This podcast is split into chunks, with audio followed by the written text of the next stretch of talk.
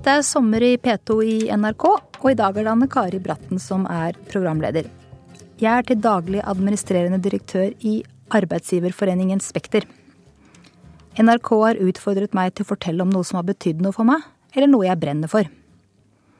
Da jeg ble født i 1964, var det bare om lag én av fire kvinner i Norge som var i lønnet arbeid.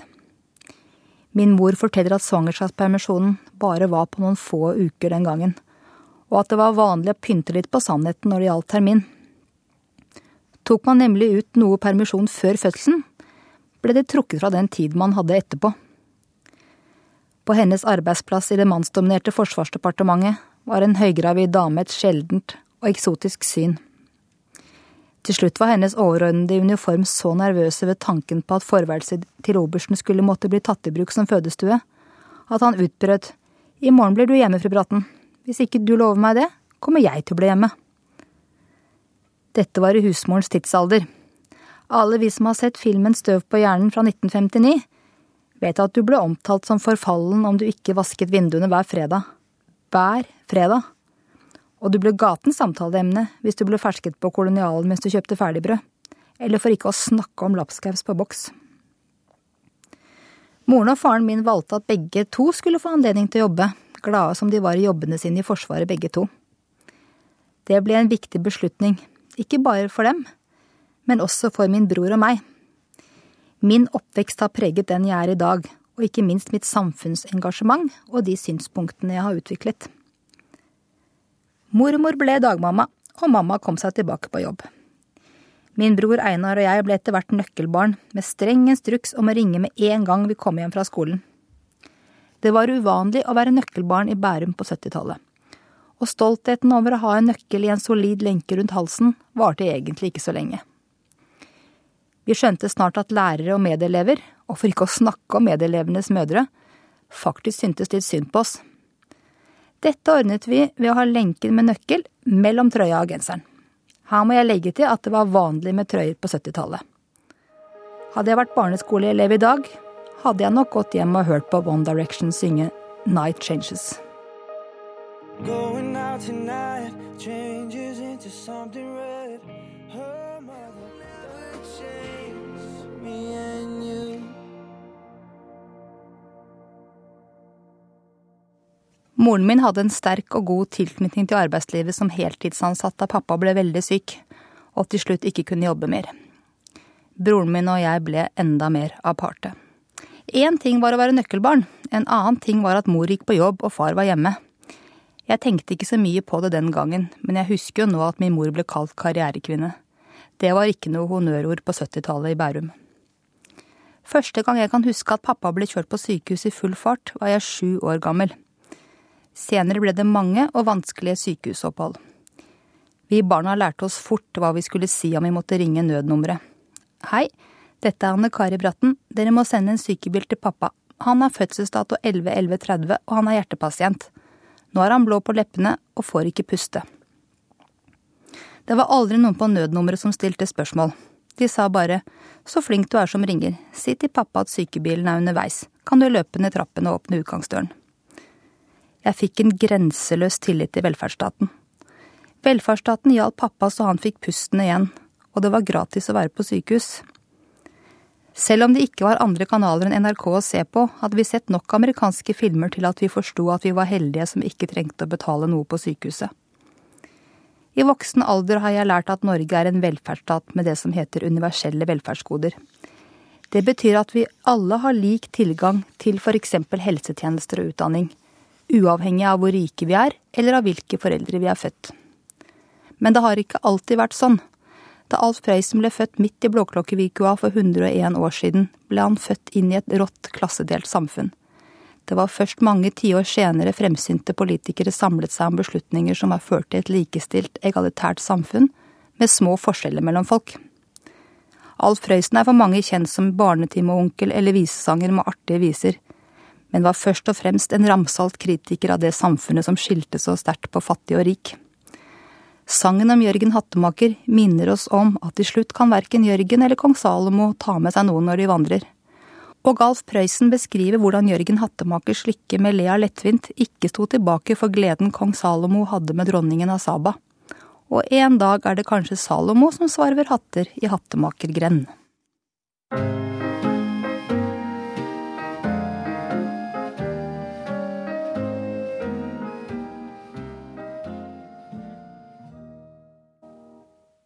Hovedregelen i Blommenholm skolekrets var enebolig med hekk rundt. Vi bodde i blokk med trappevask på omgang og felles tørkestativ utenfor. Vi hadde dugnad høst og vår og en svær vegg med postkasser nede i gangen. Fru Olsen i andre etasje sov middag mellom fire og fem, så da måtte vi ha lav lyd på kassettspilleren når vi spilte 70-tallssangene våre. I den norske velferdsstaten har jeg hatt samme muligheter til å få utdanning og jobb, og muligheten til å påvirke samfunnet, som de som hadde direktørforeldre bak hekkene på Blommenholm.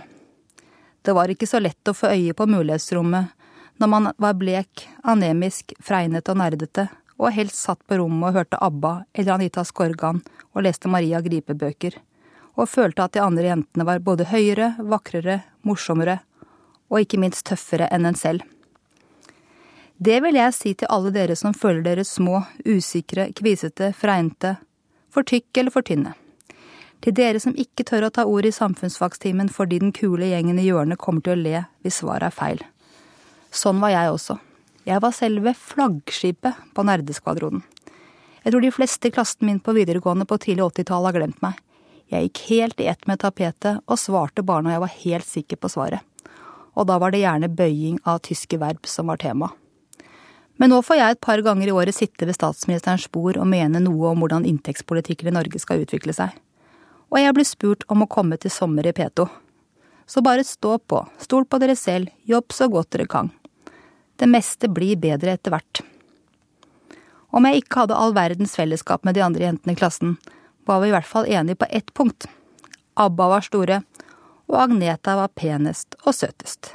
Måtte bare den dagen snart komme da vi selv kunne ha like mye blå øyeskygge som Agneta. Men jeg var mørk og måtte være Annifrid.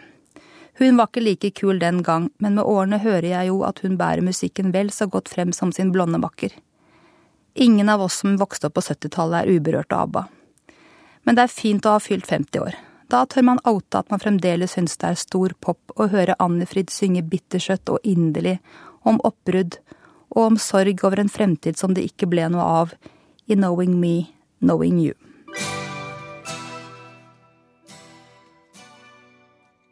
Da jeg i mitt femte leveår i 1969 tradisjonen tro bidra med juletrepyntingen på lille julaften, ble det kunngjort at Philips Petroleum hadde funnet olje på norsk sokkel. Oljeeventyret har vært veldig viktig for Norge. Vel så mye vil jeg påstå at norske kvinners marsj inn i arbeidslivet har betydd. I samme år som det første oljefunnet, altså i 1969, var andelen kvinnelige stortingsrepresentanter på bare 9 bare hver fjerde kvinne var sysselsatt i lønnet arbeid. Jeg var barn på 70-tallet, og mine foreldre anså ikke seg selv som aktuelle for å delta i tog på 8. mars. Jeg husker imidlertid godt at 1975 var det internasjonale kvinneåret. Jeg husker dagsrevyinnslag med sinte damer og menn med skjegg som trillet på barnevogner. Akkurat på den tiden da NRK både sendte i tradisjonelt svart-hvitt og av og til i farger. Da sto det en stor F og blinket i hjørnet før sending. Det var noe skremmende med denne litt militante hylingen etter daghjem og sjølbestemt abort. Samtidig var det fascinerende. Det både vedkom meg og vedkom meg ikke. Vi gikk ikke så mye i demonstrasjonstog i Vestre Bærum på 70-tallet. Med foreldre som jobbet og hadde jobbet i Forsvaret, den ene til og med i uniform, så var vi ikke så begeistret for mannfolk som ikke tok seg råd til å klippe hår og skjegg. Min mor var ingen snobb, men grensen hennes gikk ved lilla Sigrun Bergskjerf og uformelige sko. Selv ble jeg oppdratt med mantraet om at det er ingenting gutter kan som ikke jenter kan. Derfor skjønte jeg vel ikke helt behovet for paroler, aksjoner, buttons og slagord og knyttede never, brød og roser. Jeg følte meg likestilt. Selv i Bærum var det ingen lærere som diskriminerte jenter. Da vi hadde skolekjøkken eller lærte hekling, var det en selvsagt ting at guttene også skulle delta. Pappa var riktignok ikke like god på hvit saus som mamma, men også han smurte matpakker, stekte kjøttkaker og vasket opp. Han var ikke så nøye på hva slags klær som ble vasket sammen. 40 grader var 40 grader, liksom. Farger underordnet. Vi lærte oss fort at dersom den hvite T-skjorta skulle forbli hvit og ikke få en rosa nyanse, så smuglet vi den inn til mamma på lørdags formiddag. Hun var litt mer nøye på at hvitt var hvitt, og blåtøyvask var blåtøyvask. Radioen sto på hele tiden. Lørdagsettermiddagene hørte vi først på ukeslutt på NRK Radio halv ett, før vi gikk over på trafikk og musikk. Men deretter kom et program som het noe sånn som Hyggestund ved og der gikk grensen for min far. På denne tiden ble det nesten ikke spilt populærmusikk på NRK. Det var noen tilløp på ti i skuddet og etter skoletid, og hvis vi var heldige, kom det en mer moderne sang på slutten av ønskekonserten på søndags ettermiddag. Altså etter to barnesanger i starten og en rekke med åndelige sanger. Det var derfor en helt ny verden som åpnet seg da vi fikk Sky Channel på TV med Pat Sharp og musikkvideoer utover ettermiddagen. En av de første LP-ene som det ble laget musikkvideoer fra, var Money for Nothing med Dire Straits. Sangen om Brothers in Arms hevdes å handle om Falklandskrigen 1982, men handler selvsagt også om det allmenngyldige, alltid og i alle sammenhenger viktige, at vi holder sammen og passer på hverandre. Alle skal med, og alle må bidra i samfunnet, i arbeidslivet og i familien.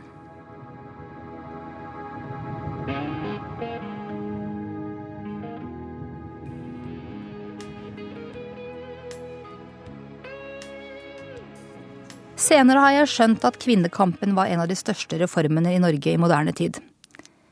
Ikke bare førte den til helt andre muligheter for selvstendighet for damene, den bidrar også til at kvinnene marsjerte inn i arbeidslivet, samtidig som vi pigget opp en sterk offentlig sektor, særlig innen helse og omsorg, barnehage og undervisning.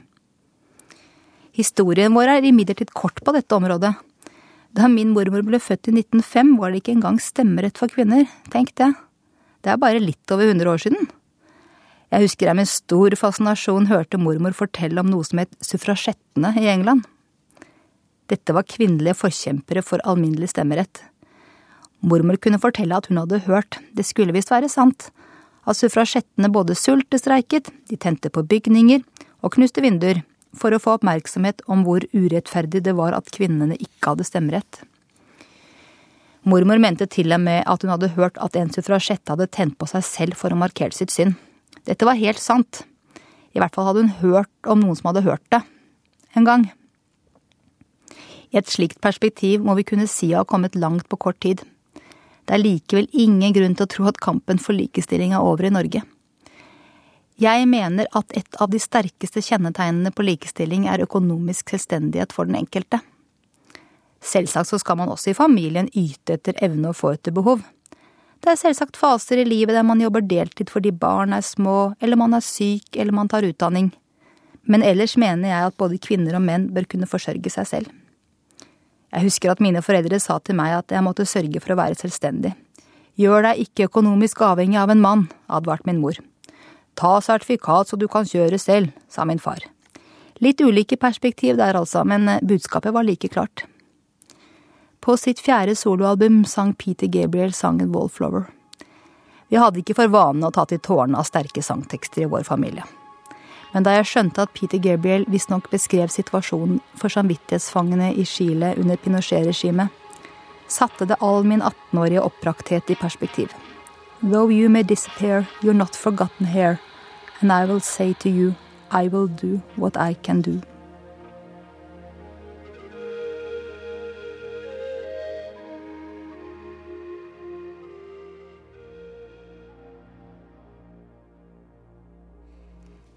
Vi skal være stolte av at vi har nesten like høy sysselsetting blant damer som blant menn i Norge. Sånn er det nesten ingen andre land i verden som har det. På 70-tallet dreide kvinnekampen seg mye om nettopp retten til å få arbeide, og med det være økonomisk selvstendig. I dag lurer jeg tidvis på om den nye kvinnekampen er retten til å slippe å jobbe.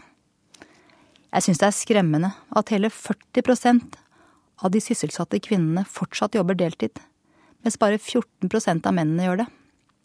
Sju av ti unge norske kvinner sa i en undersøkelse Postbanken gjorde for noen år siden, at de syns det er ok å bli forsørget av en mann. I en annen undersøkelse jeg leste, oppgir unge gutter at de helst vil utdanne seg til en jobb der de opplever risiko og spenning, og der de kan tjene mye penger. Jentene sier at de gjerne vil ha en utdanning som gjør at de kan hjelpe andre mennesker. Mange av disse jentene sier også at de gjerne vil ha en utdanning som gjør at de kan jobbe deltid etterpå. Likelønnskommisjonen fant i 2008 ut at jo flere barn en kvinne har, jo mindre jobber hun. Det er jo til å forstå. Litt mer vanskelig å forstå er det at jo flere barn en mann har, jo mer jobber han. Men heldigvis virker politikken. Etter at vi fikk så å si full barnehagedekning, har deltidsandelen blant småbarnsmødrene sunket betraktelig.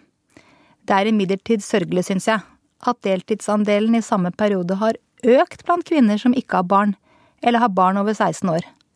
Norge trenger denne arbeidskraften, og vi kvinnene trenger inntekten for vår selvstendighet. Husk, girl power.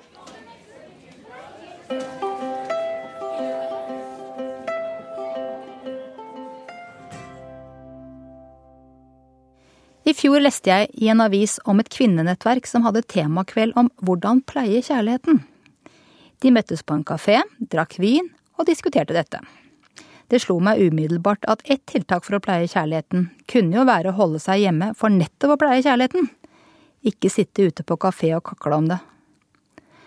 Det er noe med dagens uuttalte kvinneideal som er krevende. Vi skal være slanke, helårsbrune, ha 60 i hvilepuls og gå i vindklubb.